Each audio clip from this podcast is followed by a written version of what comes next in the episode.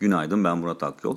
Amerika'da bir hedge fonun temerrüde düşmesinin ardından yaşanan satışlar genele yayılan bir etki yaratmadı. Ancak e, uzun vadeli tahvil faizlerinin yukarı yönlü hareket etmesi ve koronavirüs kısıtlamalarının yarattığı endişeler piyasaları e, rahatsız etmeye devam ediyor. Bunun neticesinde de Amerika'da 3 ana endeksten sadece Dow Jones'un artı bölgede kapanış yapmayı başardığını gördük ki orada da Boeing'in Southwest Airlines'dan aldığı 100 uçak siparişinin etkili olduğunu söyleyebiliriz.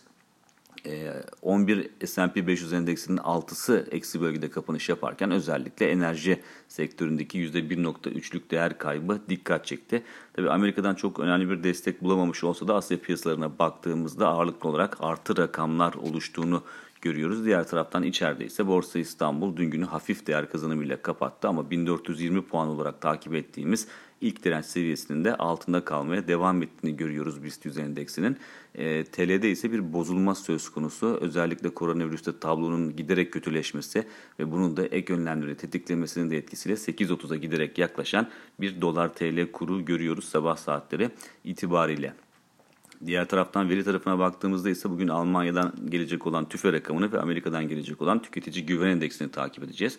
Almanya'dan gelecek olan rakam yarınki Euro bölgesi enflasyon rakamı için de bir gösterge niteliği taşıdığından önemli. Amerika'da ise tüketici güven endeksinin e, daha önce 91.3 e, değerini alan endeksin 96 seviyesine yükselmesi bekleniyor. Bir sonraki podcast'te görüşmek üzere.